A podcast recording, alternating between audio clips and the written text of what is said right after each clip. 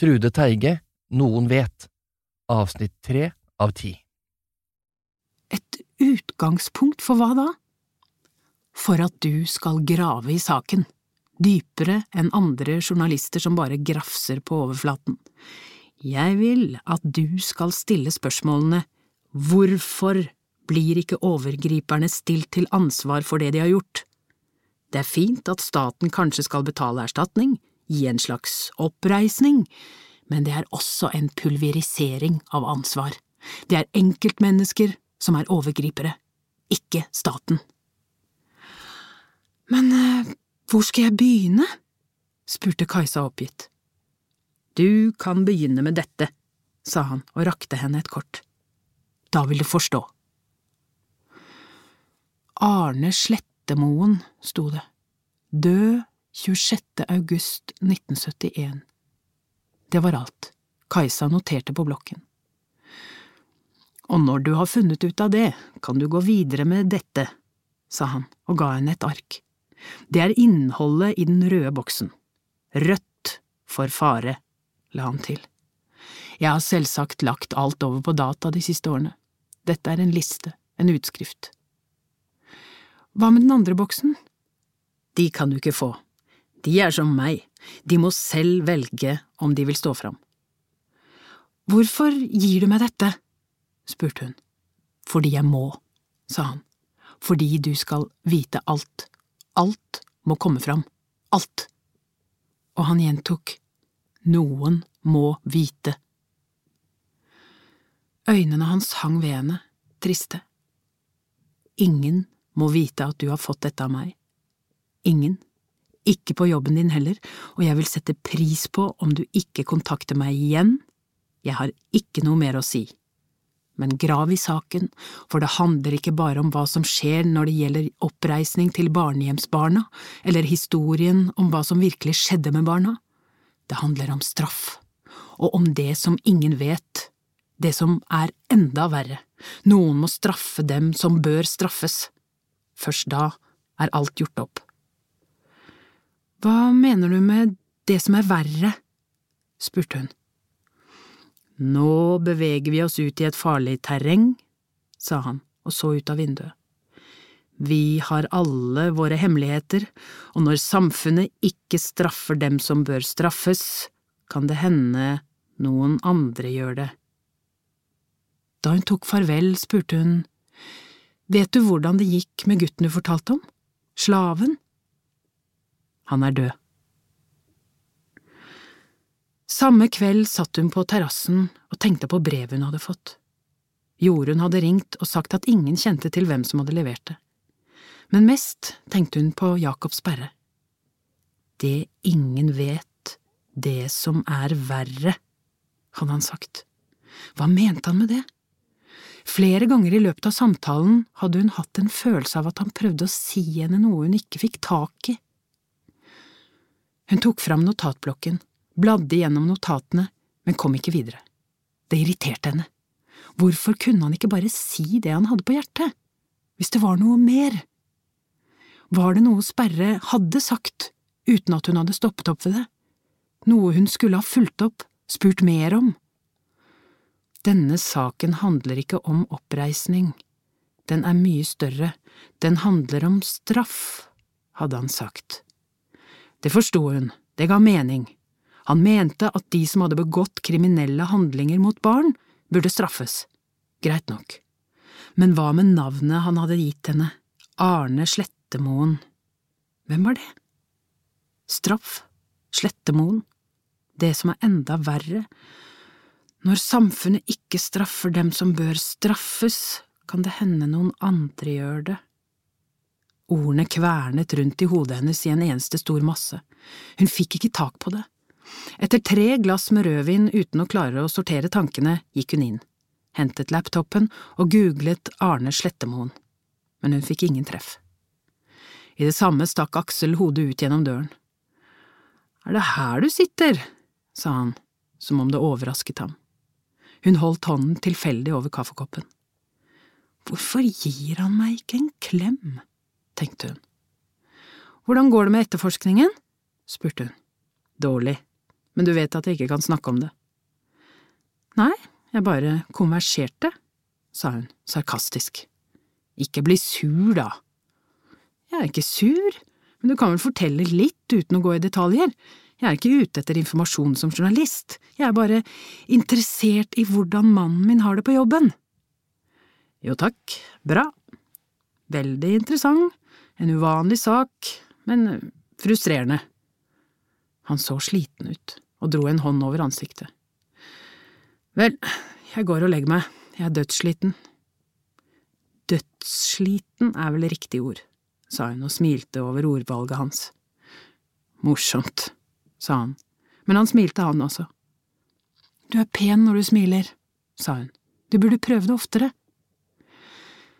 Det er ikke alltid like lett, sa han og kom ut til henne, tok ansiktet hennes i hendene og kysset henne. Kommer du?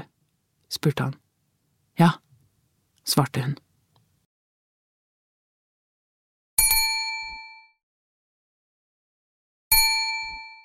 Er det ikke på tide at vi røyker en liten fredspipe, eller kanskje heller drikker oss fulle på smuget? Det er så lite glam med deg, hvorfor skal du bestrebe deg som på å framstå som en kjedelig grå mus? Vidar Kvande sto på utsiden av inngangen til Kanal 4 og ventet på henne da hun skulle på jobben neste dag. Kvande så ut som en underlig krysning av en bohem og en gentleman. Han hadde alltid flere dager gammelt skjegg, langt hår, som regel i hestehale, men innimellom hang det løst. Kajsa hadde overhodet ikke peiling på dyre dresser, hun hadde en mann som var totalt uinteressert i klær, men det var noe med snittet og stoffet i Kvandes dresser som fikk henne til å tenke at de var kjøpt i Milano eller Paris. Men han hadde aldri skjorte og slips, bare grå eller svart T-skjorte under, unntaksvis hvit.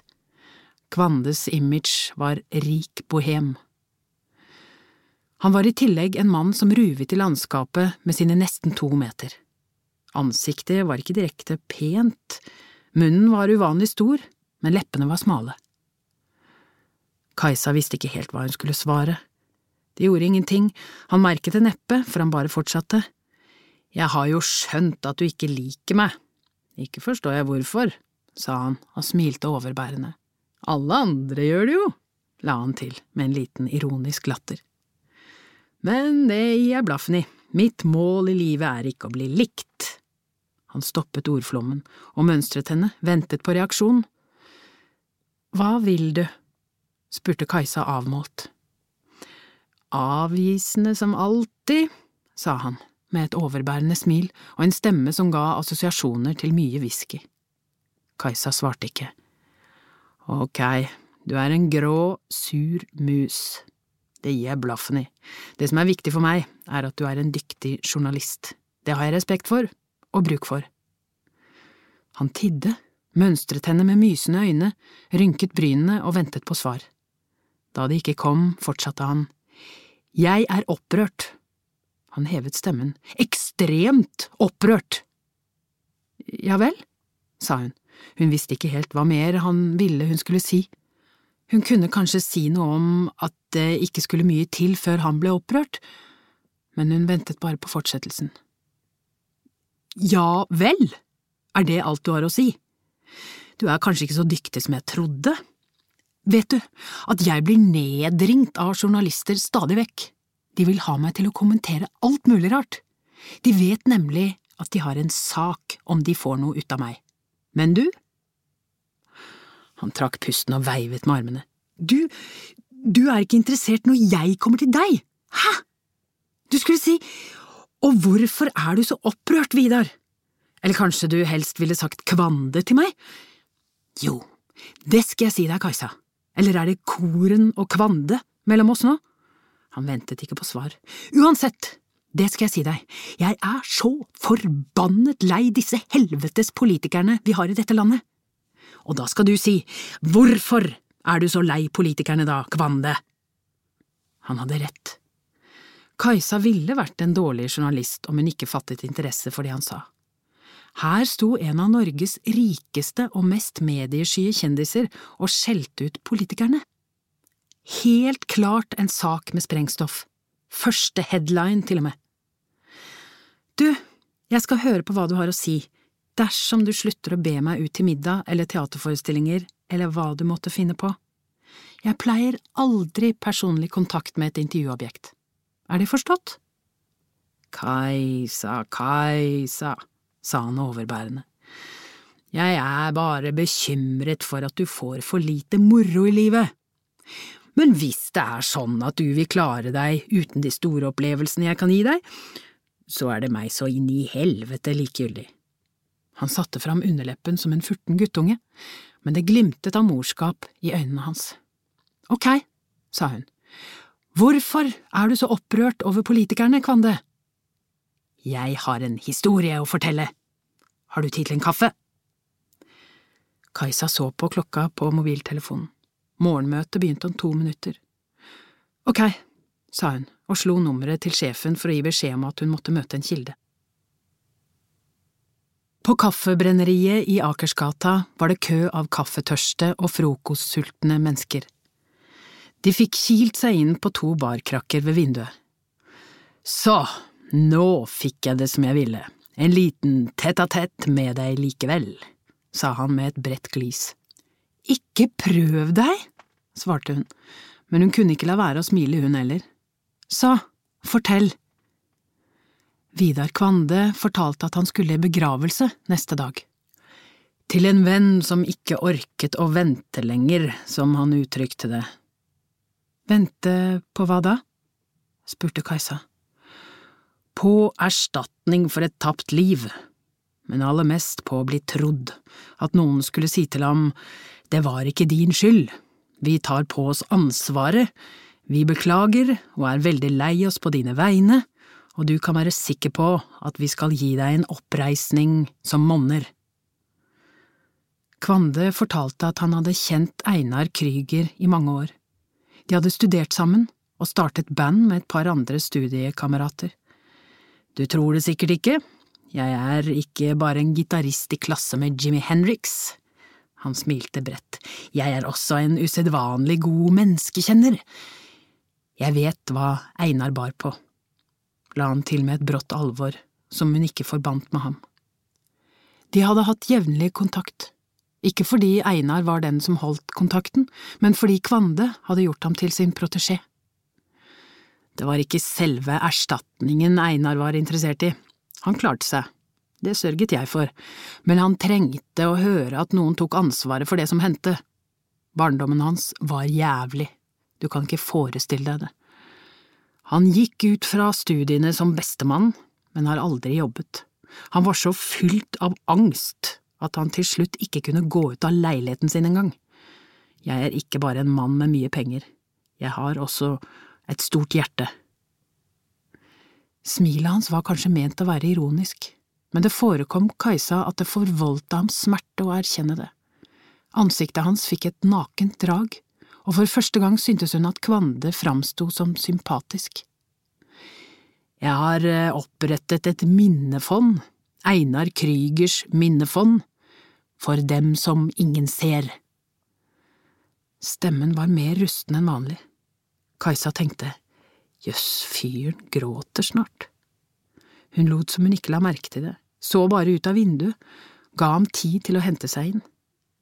Dem som ingen ser. Det var som å høre Sperres ord.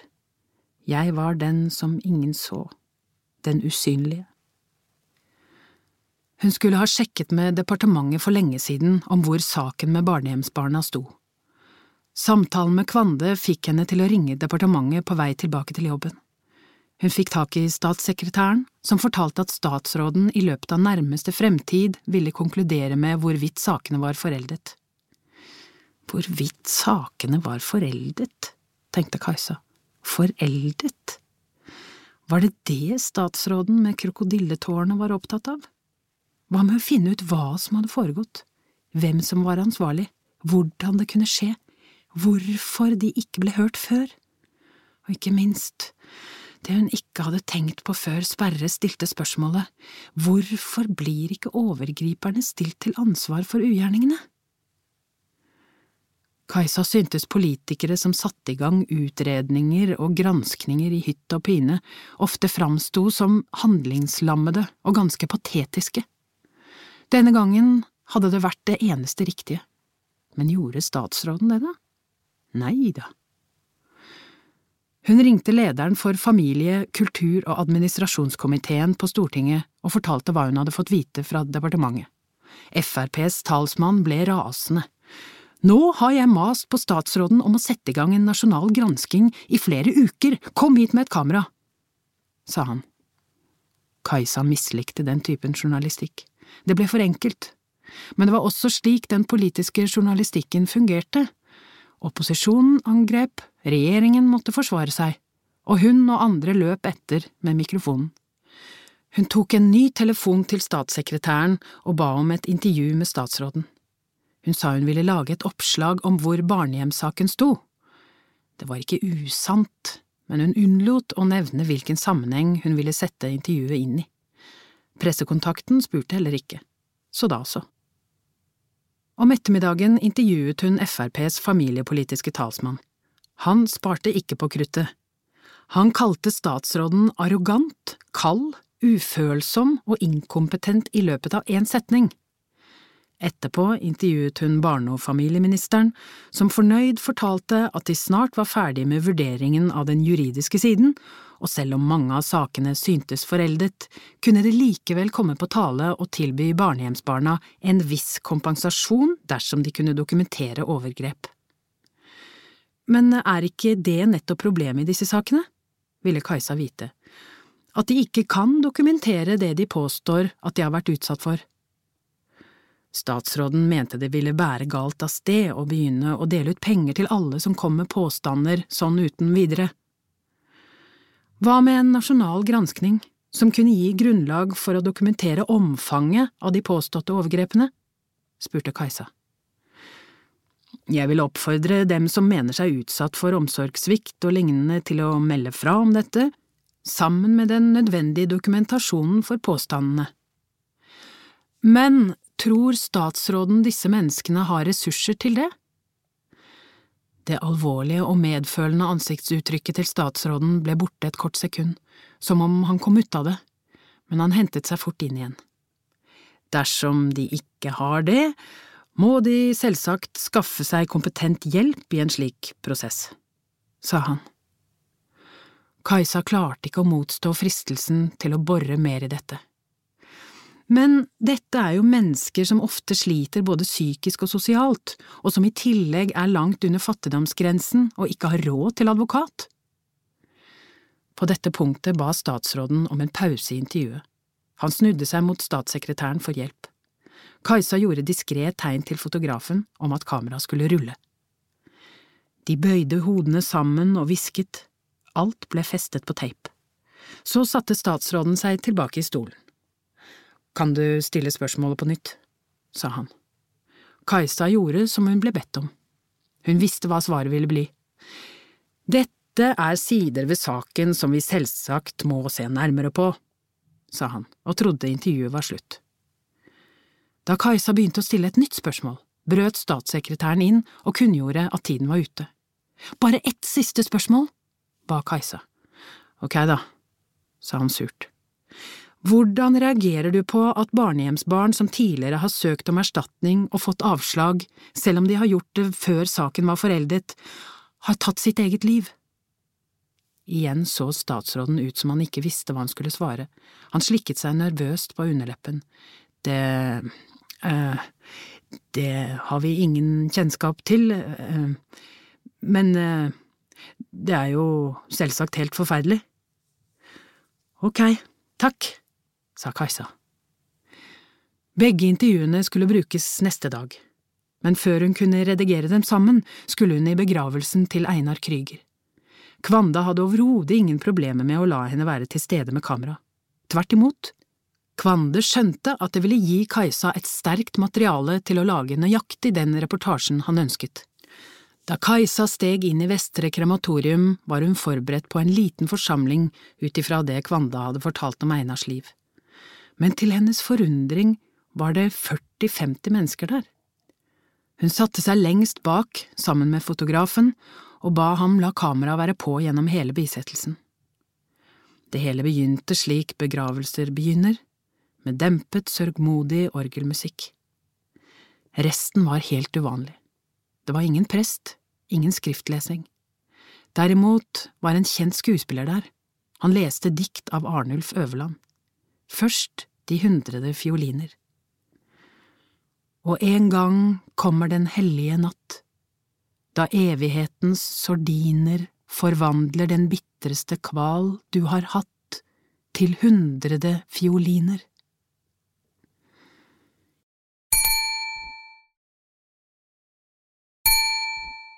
Innimellom var det musikk, alt fra høyttaleranlegget, Bruce Springsteen og Patti Smith.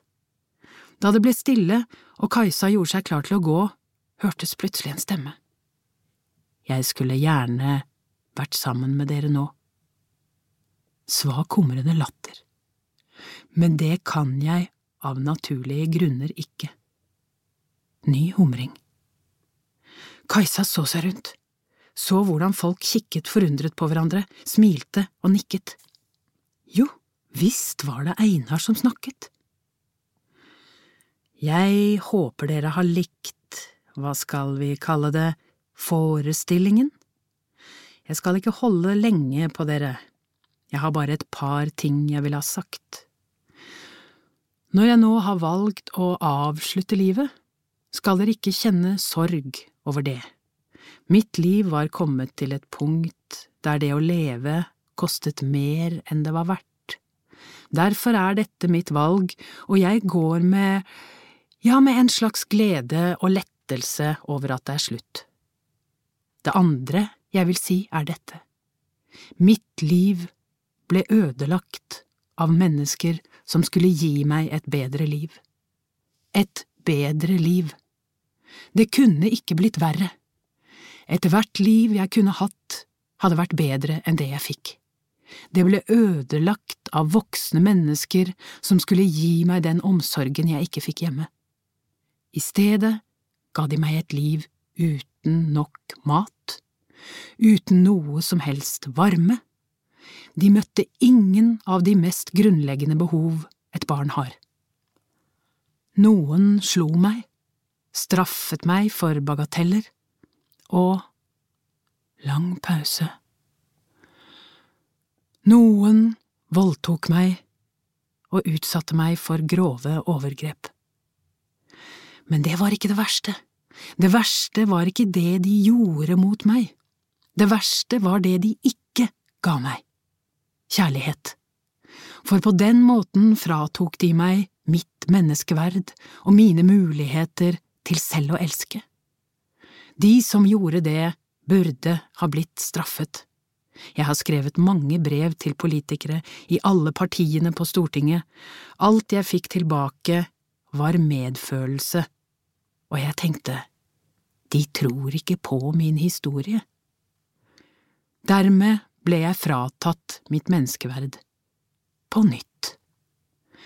Politikerne har mye å stå til ansvar for fordi de i årevis har visst om barnehjemsbarnas skjebne uten å gi oss oppreisning. Lang pause.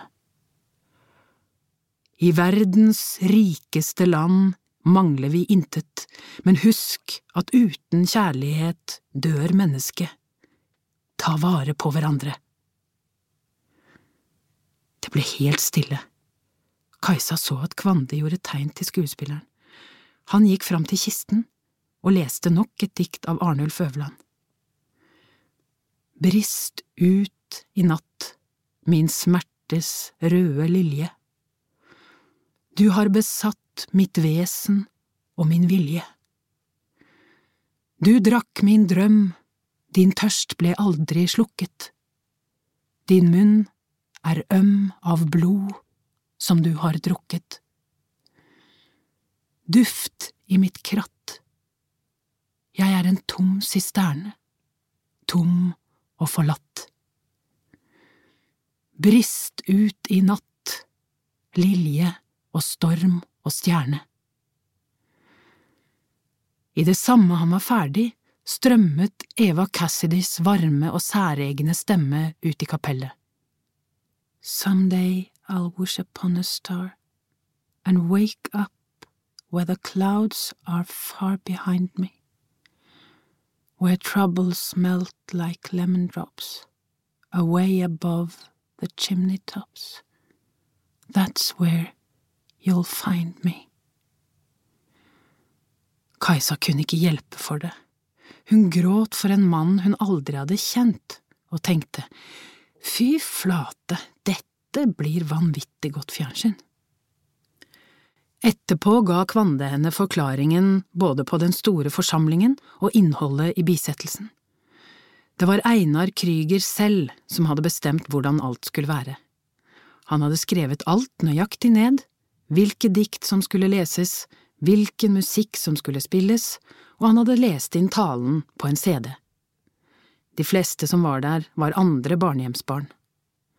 Krüger hadde startet en støtteforening sammen med tre andre som hadde vært hans venner fra de var på barnehjem sammen. Foreningen hadde vokst enormt det siste året og talte nå 40 medlemmer. Foreningens styre skulle forvalte pengene Kvande hadde avsatt i Einar Krygers minnefond. Etter begravelsen redigerte Kajsa to saker på til sammen åtte minutter, til toppen av 20-sendingen. Vaktsjefen, som var en vikar fra økonomiavdelingen, sa han var i himmelen, men måtte beskjemmet innse at det var en upassende kommentar. Kajsa ble rasende da han ville ha barnehjemsbarn tok sitt eget liv, hudflettet politikerne i tale fra graven, som headline. I stedet ble det Barnehjemsbarn orket ikke leve, ga politikerne skylden for et ødelagt liv. Den første saken handlet om Einar Krüger. Hun sendte hele talen hans uredigert med bilder av kisten og kirkerommet, ingen forstyrrende bilder av andre mennesker som var til stede. Dette var hans show, og bildene understreket det. De langsomme innzoomingene og panoreringene sammen med nærbilder av kisten og kransene med de siste hilsningene fra vennene, noen private bilder av ham som hun hadde fått av Kvande, ett med gitaren, ett ute i naturen og ett med et champagneglass løftet mot fotografen. Det ville vært en underdrivelse å påstå at statsråden kom godt ut av det i den neste saken. Kjendisen, finansmannen og medieyndlingen Vidar Kvande fortalte med stort alvor og harmdirrende stemme om sin venn Einar, og langet samtidig ut mot statsråden for ikke øyeblikkelig å sette i gang en nasjonal granskning og tilby ofrene erstatning for sine ødelagte liv. Kajsa gjorde noe hun sjelden hadde gjort før, hun redigerte ikke bort statsrådens ønske om å stanse intervjuet for å rådføre seg med statssekretæren. Tvert imot, hun brukte det fordi hun mente det viste hvor saken egentlig sto, og hvilken holdning ministeren hadde. Intervjuet med FrPs talsmann fikk hun ikke plass til. Han ville bli sur, men det gjorde ingenting. Det hun satt igjen med var så sterkt at hun ikke trengte forutsigbar kritikk fra opposisjonen. Det fikk være en oppfølger for kveldsvakten til morgensendingene. Neste dag innkalte statsråden til pressekonferanse. Han var glad for at det nå endelig var besluttet å starte en nasjonal granskning av barnehjemsskandalen. Regjeringen mente at de juridiske vurderingene av om sakene er foreldet, er underordnet det moralske ansvar staten har for å gi barnehjemsbarna oppreisning i form av økonomisk erstatning. Neste morgen gikk Kajsa rett fra Askertoget til Aftenpostens arkiv og ba om avisene fra 26. til 30. august 1971. Hun bladde raskt igjennom, men fant ikke navnet Arne Slettemoen nevnt. Hun gikk gjennom avisene en gang til, nøyere nå. Da fant hun en liten notis på bunnen av en side.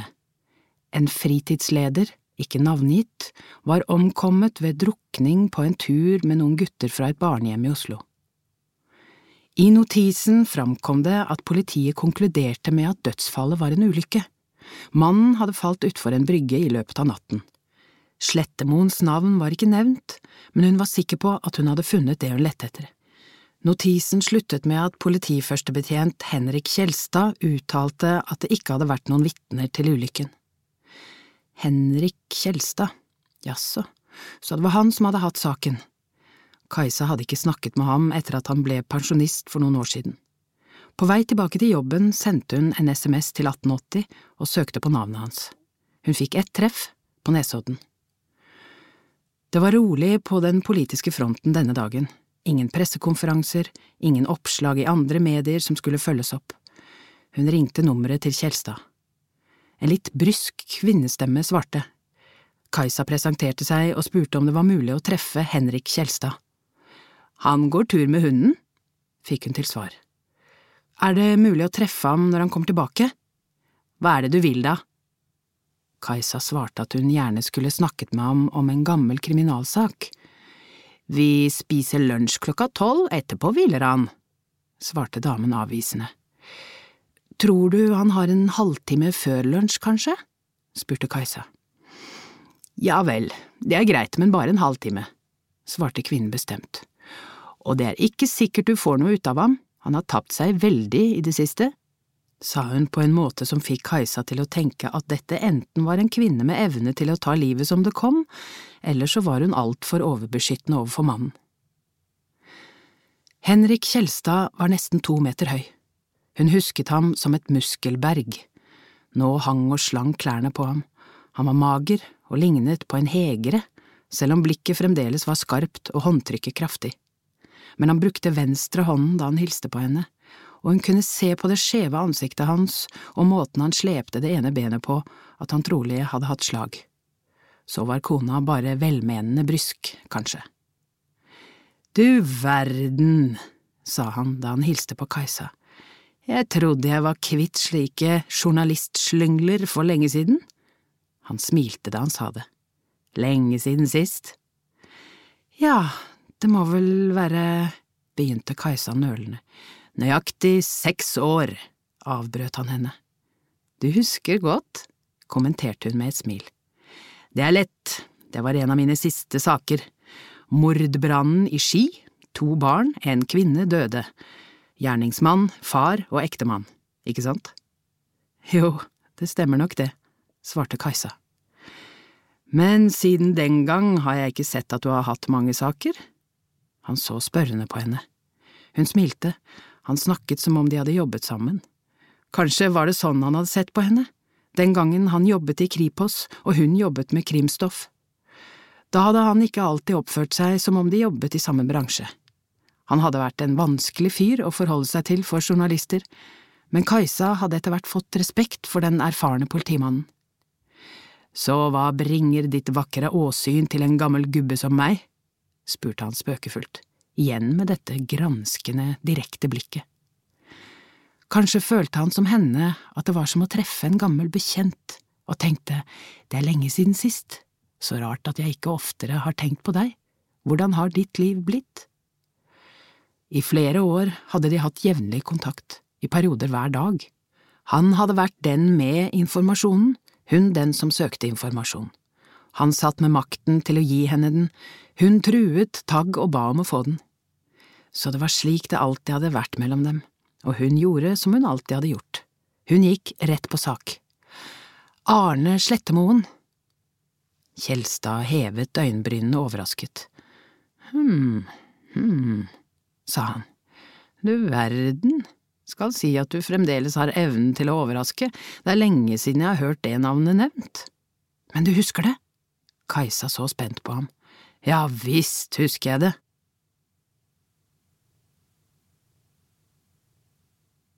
Kajsa la en kopi av notisen i Aftenposten på bordet. Kjelstad tok på seg brillene, tok arket og gransket det nøye. Jaha, ja, Slettemoen, ja, det kan nok stemme. Det overrasket henne at han umiddelbart gjenkjente saken. Han måtte ha opplevd mange lignende saker i sitt lange yrkesliv. Han hadde jobbet i politiet i over 40 år. Forklaringen var enkel. Det var min første sak som politiførstebetjent, sa han. Kona kom inn med to kopper kaffe. Hun var akkurat sånn Kajsa hadde forestilt seg henne, et rundt fjes omkranset av store grå krøller, kraftig kropp, energisk ganglag. Hun hilste vennlig på Kajsa, men sa bare en halvtime, så må han ha mat og hvile. Tonen hennes åpnet ikke for diskusjon. Da hun hadde gått ut, bøyde Kjelstad seg mot Kajsa. Best å gjøre som hun sier, hvisket han og blunket tilgjort konspiratorisk. Han tok en slurk kaffe og fortsatte. Vel, det er også en annen grunn til at jeg husker denne saken. Hva da? Guttene. Jeg intervjuet dem alle, men ingen av dem, de var seks eller syv stykker, tror jeg, de syntes å være, hva skal jeg si, ikke glade, men nesten litt likegyldige. Kanskje vil jeg gå så langt som å bruke ordet lettet for å beskrive sinnsstemningen deres. Det var merkelig. Hvordan da? Jo, alle ga uttrykk for at han hadde vært en fin fyr, jeg husker jeg tenkte, hvorfor er det da ingen av dem som er lei seg for at han er død? En vag tanke som ennå ikke lot seg formulere, begynte å ta form i Kajsas hode. Hun spurte hva fant dere ut? Slettemoen hadde høy promille, buksesmekken var åpen, konklusjonen var innlysende, han hadde falt uti mens han pisset. Ingen av guttene hadde vært sammen med ham. Alle forklarte det samme, at de hadde badet før de la seg, Slettemoen hadde vært sammen med dem, men han hadde blitt sittende på bryggen og drukket øl da de gikk og la seg. Vi konkluderte med at han hadde pisset fra bryggekanten og falt uti. Tragisk, men altfor vanlig, dessverre. Men? Hvem sier at det er et men? Kajsa svarte ikke. Kjelstad knep øynene sammen og betraktet henne, som om han tenkte seg om. Like skarp som alltid, du, sa han omsider og smilte godmodig. Ja, der var et men, men det rokket ikke ved vår konklusjon. Kajsa tenkte på det Sperre hadde fortalt henne. Tanken som tvang seg fram, stemte med det Kjelstad fortalte. Noen brikker falt inn i hverandre. Hvis jeg forteller deg at han misbrukte disse guttene seksuelt, hva sier du da? Kjelstad så ikke det minste sjokkert ut. Enten var han det ikke, eller så var han trent til ikke å vise det. Men rynken over neseroten ble en tanke dypere. Han svarte ikke direkte, i stedet sa han Det var en ting jeg stusset over under etterforskningen. Slettemoen hadde slått pannen kraftig. Trolig hadde han besvimt av det. Hva var merkelig med det? Han slo seg vel da han falt? Jo, Kjelstad dro på det, men det er ikke veldig naturlig å slå seg akkurat midt i pannen når man lener seg ut over bryggekanten, det er selvsagt mulig, men… Så du tenkte allerede den gangen… Ja, men det var ingen bevis for noe annet enn det som ble den åpenbare konklusjonen, dessuten var guttene bare ti–elleve år gamle. Og nå, hva tenker du nå? Misbruk… Han avbrøt henne. Jeg har vært politimann for lenge til å trekke forhastede konklusjoner, men jeg er sikker på at de guttene skjulte noe. Kanskje har du gitt meg forklaringen. Hun så spent på ham at de oppførte seg rart fordi de prøvde å skjule at de var glad for at han var død.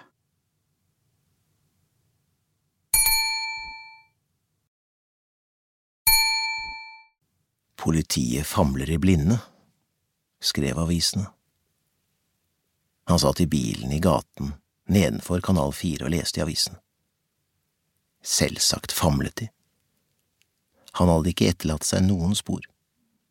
Ikke de dagene han var inne i huset sammen med dem. Ikke tidligere i livet. Likevel var han misfornøyd. Journalistene brukte alltid å grave fram den dritten som fantes. Hvorfor gjorde de ikke det nå? De måtte da i det minste oppdage at det fantes noe å fortelle om fra fortiden deres. Det var ingen annen utvei at han måtte hjelpe til. Han skulle ønske at han bare kunne ringe høre stemmen hennes, fortelle henne om hvordan det hadde vært, fortelle henne alt, ikke om de siste dagene, men om det før. Han var sikker på at hun ville forstå. Hun ville se på ham med de brune øynene, med varme. Kanskje ville hun gråte for ham, holde rundt ham og han ville ta henne med i skogen, der de kunne ligge tett inntil hverandre og se på trekronene, på skyene høyt over dem. Han måtte passe seg. Han hadde begynt å tenke uforsiktige tanker. Men han trengte varmen som tanken ga ham. Han hadde aldri følt det slik for noen, noen gang, ikke engang for Ida. Ida lignet på Kajsa, for hun hadde også hatt brune øyne. Han hadde begynt å kjøre forbi Kanal 4-huset hver dag når han var ferdig på jobb. Av og til satt han og ventet, håpet hun skulle vise seg. Det hadde aldri skjedd, men idet han bladde om i avisen, kikket han i speilet, og der var hun. Hun gikk nedover gaten mot parkeringshuset. Han satte bilen i gir, snudde, kjørte nedover, parkerte og ventet. Da han så henne komme ut, fulgte han etter henne. Det var en sånn god følelse, som om de var i følge.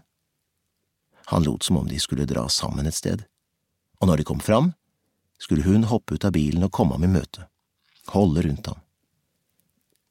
Han fikk nesten den gode følelsen han hadde i skogen der han satt i bilen bak henne, at han var trygg, at alt var bra.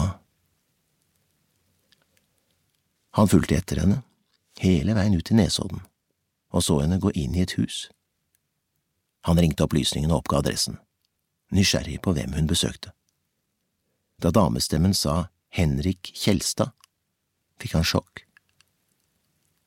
Han kunne aldri glemme den mannen, den lange, kraftige kroppen, men mest av alt øynene hans, de uvanlig blå øynene. Kjelstad hadde løftet hånden for å ruske ham i håret, det var i alle fall det han tenkte nå, men han hadde veket unna, brått, han trodde han skulle slå ham. Kjelstad hadde sett på ham med øyne som om han forsto, med en mildhet som kjentes som en fysisk berøring. Hva gjorde Kajsa hos Kjelstad? Han måtte følge enda mer med henne i tiden framover. Det ville være godt for ham å være nær henne, enda nærere nå. Derfor bestemte han seg for å gjennomføre det han hadde tenkt på de siste dagene.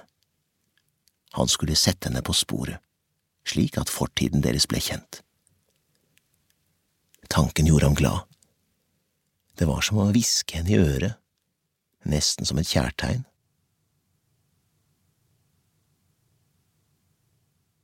Kajsa ringte Sperre i bilen på vei hjem fra Nesodden. Det ble en kort samtale.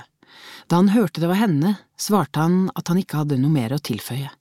Han var urokkelig i sitt forsett om å ikke ha mer kontakt med henne. Jeg har gitt deg alt jeg vet, sa han. Jo, men var Slettemoen den samme som fritidslederen du fortalte? Lenger kom hun ikke. Sperre hadde lagt på. Hun kunne jo ikke være sikker så lenge Sperre ikke bekreftet det, men det var absolutt mulig at Sperre hadde vært med da Slettemoen døde. Kanskje hadde han til og med vært med på å ta livet av ham. Var det det han mente med å si at alle har sine hemmeligheter?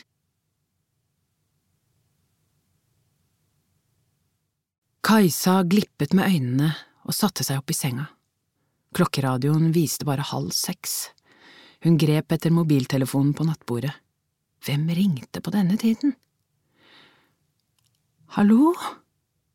Hvorfor kommer du ikke? Det var moren. Kommer? Ja, du skulle jo hente meg klokka fem. Hente deg? Kajsa forsto ingenting. Ja, vi skulle jo trene sammen i dag, på Elixia. Trene? Det begynte å demre for Kajsa. Moren var blant mange ivrige pensjonister som trente to ganger i uken på Elixia i Asker. Denne dagen hadde de avtalt å trene sammen, gå en runde i apparatsalen. Vet du hva klokka er, mamma? Ja, den er over halv seks, og vi avtalte fem, sa moren bedreidende. Men det er morgen, ikke ettermiddag. Det ble stille i den andre enden. Mamma, er du der? Ja, jeg… Er det morgen? Er klokka halv seks om morgenen? Ja. Oi, beklager, Kajsa, jeg sovnet på sofaen, det må ha vært i går kveld, og så våknet jeg og, og trodde jeg hadde tatt en middagslur. Ja ja, sa Kajsa og tvang stemmen til å høres lett og ubekymret ut. Slikt eh, kan skje, du får gå og legge deg igjen. Selv fikk hun ikke sove mer. Kajsa gikk på badet, tok seg en dusj, sto lenge. Jeg har det bra, friske barn, en god jobb, god økonomi, en mann som har lykkes, som er godt likt, jeg har bil og hus, en jobb jeg elsker og alt jeg trenger, det kommer til å ordne seg, Aksel har rett, mamma er bare litt glemsk, det er helt normalt for folk i hennes alder. Det kommer til å ordne seg med Aksel og meg også, vi er bare inne i en fase der vi ikke har nok tid til hverandre, det kommer til å forandre seg når barna blir større, kanskje vi kan få barnevakt og gå ut sammen, være kjærester. Slik som paret på rasteplassen. Hun tenkte på dem ofte, det forsterket følelsen av å ha mistet noe. Kjærester, hva skal vi snakke om? Hva snakker man om når man er kjærester som bare sitter rett overfor hverandre ved et bord, tenkte hun. Hun så dem for seg, de to på rasteplassen. Bildet av dem hadde festet seg hos henne helt siden i fjor sommer. Opplevelsen var som en kortfilm hun kjørte om og om igjen, en fortelling om nærhet, en beskrivelse av et udefinert savn hun ikke hadde forstått før. De hadde vært på vei til Sverige på ferie. Underveis hadde de stanset på en bensinstasjon. Det hadde vært en lekeplass med noen få bord utenfor. Hun og Aksel hadde satt seg ved et av bordene mens ungene klatret i lekestativet. De hadde sittet i solen, spist pølse, drukket kaffe, delt en firkløver, ikke snakket sammen, bare sett på ungene. Et ektepar på deres egen alder med to barn hadde kommet og satt seg ved et bord et stykke unna. Først kom ungene deres springende og kastet seg i hver sin huske. Moren hadde satt seg ned og sett på dem. Litt etter kom mannen. Han satte seg ikke på den andre siden av bordet, slik Aksel satt, men over skrevs på benken, tett inntil kvinnen. Hun hadde lent seg inntil ham og smilt opp mot ham, han hadde kysset henne lett, på munnen. Hun hadde sett på Aksel. Han satt med mobiltelefonen og sendte en SMS, sikkert jobb, hadde hun tenkt. Hun så en stund på ungene igjen før hun skottet bort på paret. De satt der tett inntil hverandre, han hvisket noe i øret hennes, hun lo. Akkurat da hadde hun sett bevegelsen under blusen hennes, hånden hans som strøk over brystene hennes. De satt og lot som ingenting, så bare på barna. Ingen av ansiktene uttrykte opphisselse eller lyst, de så bare fullstendig rolige, harmoniske ut. Hun tenkte at barna kanskje ikke var deres, eller kanskje de var bare hennes eller hans, at de nettopp hadde møtt hverandre, at de var nye for hverandre, et nyforelsket par som ikke fikk nok av hverandre, slik hun og Aksel hadde vært, en gang. Men like etter hørte hun at ungene kalte dem for mamma og pappa. Den eldste gutten var et par år eldre enn Anders, så hadde de kjent hverandre like lenge som hun og Aksel. Når sluttet hun og Aksel å være så nær hverandre? Hvorfor hadde det tatt slutt? Hun visste ikke. Hun så på ham, mobilen hans pep, han var fjern, oppslukt av jobben. Nå, hele tiden. Paret reiste seg. Mannen ropte på ungene, så tok han kvinnen i hånden, og de gikk til bilen, hånd i hånd. Bare for å gå ti meter. Når hadde Aksel tatt henne i hånden når de gikk ved siden av hverandre? Eller når hadde hun tatt ham i hånden? Det var bildet av dette paret på benken ved en bensinstasjon som hadde fått henne til å tenke annerledes.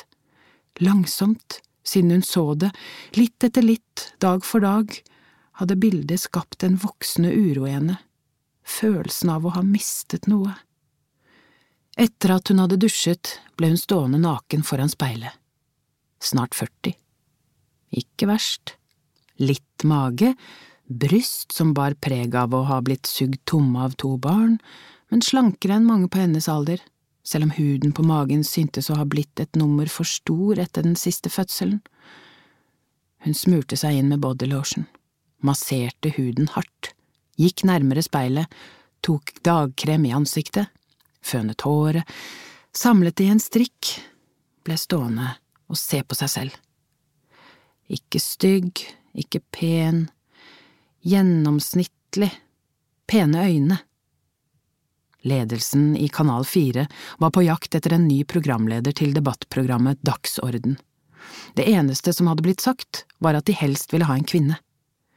Hun hadde lyst på jobben. Flere kolleger hadde hintet om at hun burde være aktuell, men hun kom ikke til å få den.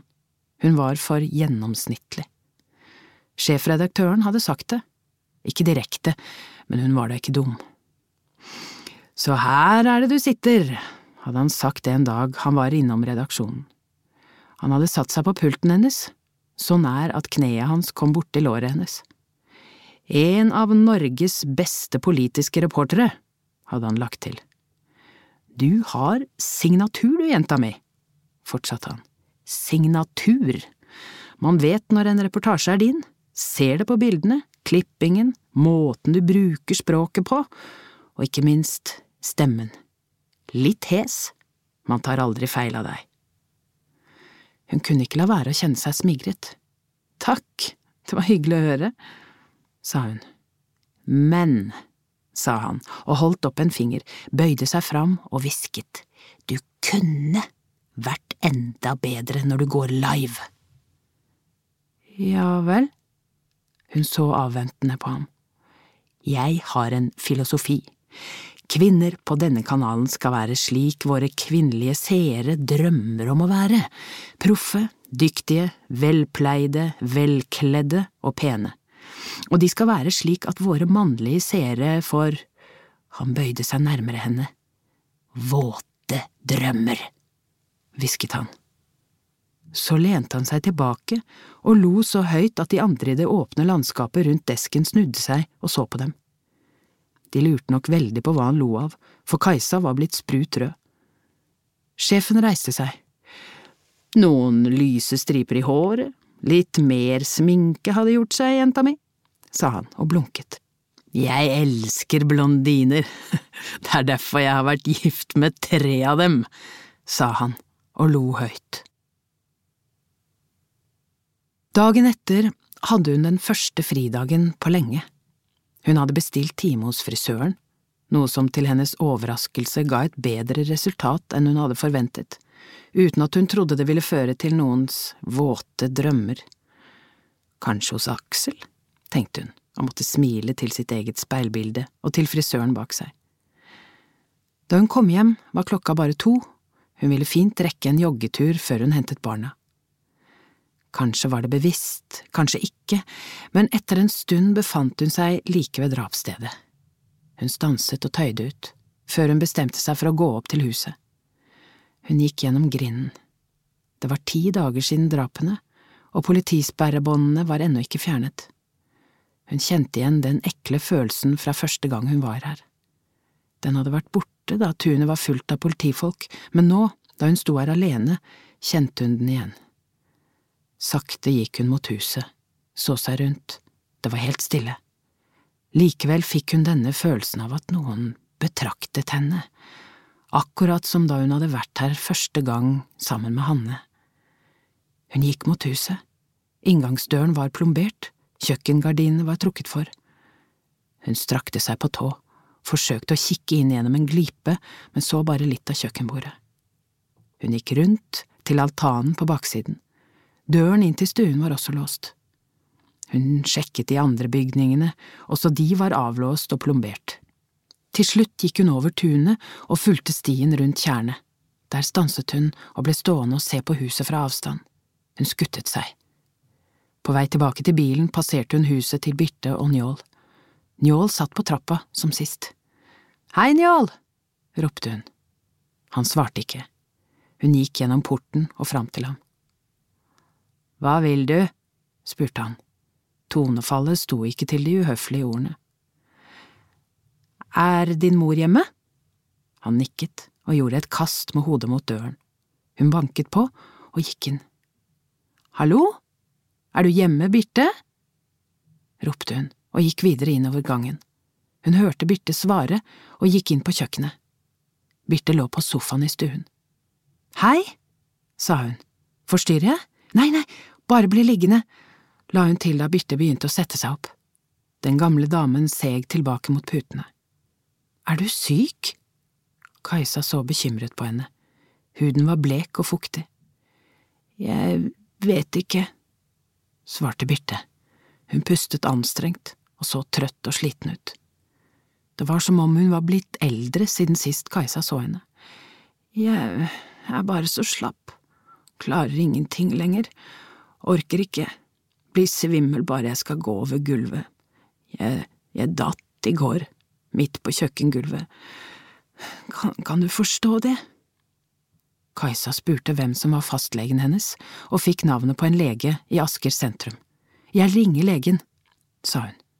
Å nei, ikke gjør det. Hvorfor ikke? Njål.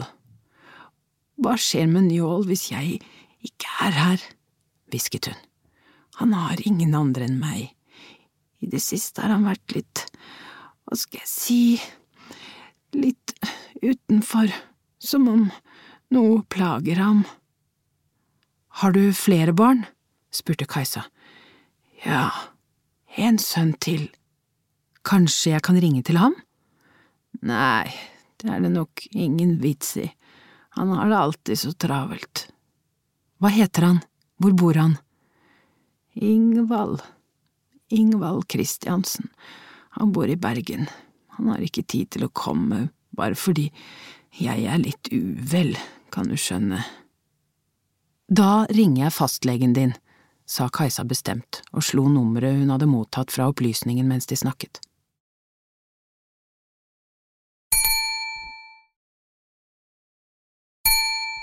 Hos legen var det ingen som svarte. Kajsa tok på handsfree og ventet. Skal jeg lage litt kaffe? spurte hun. Birte bare nikket. Etter 20 minutter hadde hun fremdeles ikke kommet gjennom til legen. Hun så på klokka, den nærmet seg fire. Jeg må hente Thea og Anders, tenkte hun stresset. Hun lot det fortsette å ringe hos legen, så hentet hun Birtes kåpe, kledde på henne, ba Njål også kle seg, og sammen støttet de Birte ut i bilen. Hun hentet Thea i barnehagen, Anders på SFO, kjørte til Asker sentrum, parkerte og tok med seg hele gjengen til legen. Der var venterommet fullt. Hun stilte seg opp foran luken og ventet på at legesekretæren skulle åpne.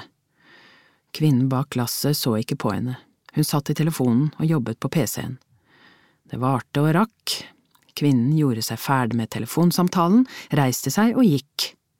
Hele tiden kunne Kajsa høre telefonen ringe. Etter flere minutter kom kvinnen tilbake, så fremdeles ikke på Kajsa, tok på nytt telefonen. Thea kom og stilte seg ved siden av moren og begynte å dra henne i armen. Jeg er sulten, mamma! Kajsa sa at hun måtte vente, snart skulle de dra hjem og spise. Jeg vil ha mat nå!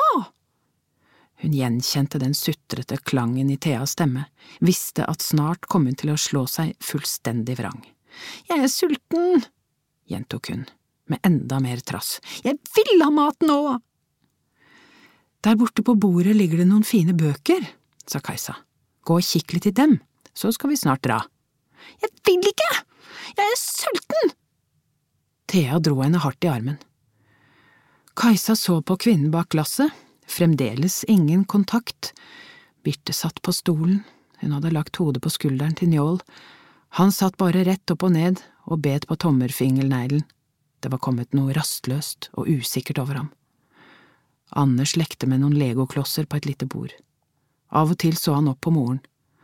Tålmodige Anders, tenkte hun, han er sikkert også sulten, men han finner seg i å vente. Thea hadde begynt å gråte hun hadde satt seg rett ned på gulvet og dro hardt i jakken til Kajsa. Kajsa følte at alle så på henne, hun var varm og rød i ansiktet og kjente hvordan svetten rant under armene. Hun bøyde seg ned, hysjet på Thea og forsøkte å løfte henne opp, men Thea protesterte høylytt og slo etter henne. Akkurat da trykket kvinnen på en knapp, og glasset foran henne seg sakte til side med en mekanisk lyd. Ja… Kvinnen så spørrende på henne. Jeg er her med en eldre kvinne som… Kvinnen avbrøt henne. Fødselsdato? Det vet jeg ikke, men jeg kommer fordi… Navn? Har du time? Nei, jeg… Har du ikke time? Kvinnen så irritert på henne. Nei, jeg har ringt og ringt uten å komme gjennom. Du må ha time, ser du ikke at det er fullt her? Jo, men hvem er fastlegen? Kajsa ga henne navnet på legen. Han har fri i dag, svarte kvinnen. Det var bare så vidt Kajsa kunne høre hva kvinnen sa over hylingen til Thea. Hun bøyde seg fram. Jeg gir faktisk blanke blaffen i hvor legen er. Det er da andre leger her. Jeg kommer med en eldre kvinne som trenger hjelp, og vi sitter her til hun får det. Kvinnen åpnet munnen, men før hun fikk sagt noe, fortsatte Kajsa. Hun er syk, hun trenger hjelp, og hun trenger det nå! Kvinnen åpnet munnen igjen, men Kajsa bare fortsatte. Denne kvinnen er bare en bekjent, hun er ikke mitt ansvar, ikke min mor, ikke engang en nabo. Jeg har to barn med meg og hennes utviklingshemmede sønn. Barna har ikke spist på flere timer, de er trøtte og slitne. Tror du at du kan være så snill å få oss inn ganske kjapt? Det er mange foran dere i køen, svarte kvinnen surt. Ok, da må jeg ta med meg barna og gå hjem, så kan jeg overlate kvinnen og hennes sønn til deg. Hun bøyde seg ned, trosset Theas protester og løftet henne opp. Vent, jeg skal se hva jeg kan gjøre. Glassluken seg knirkende på plass.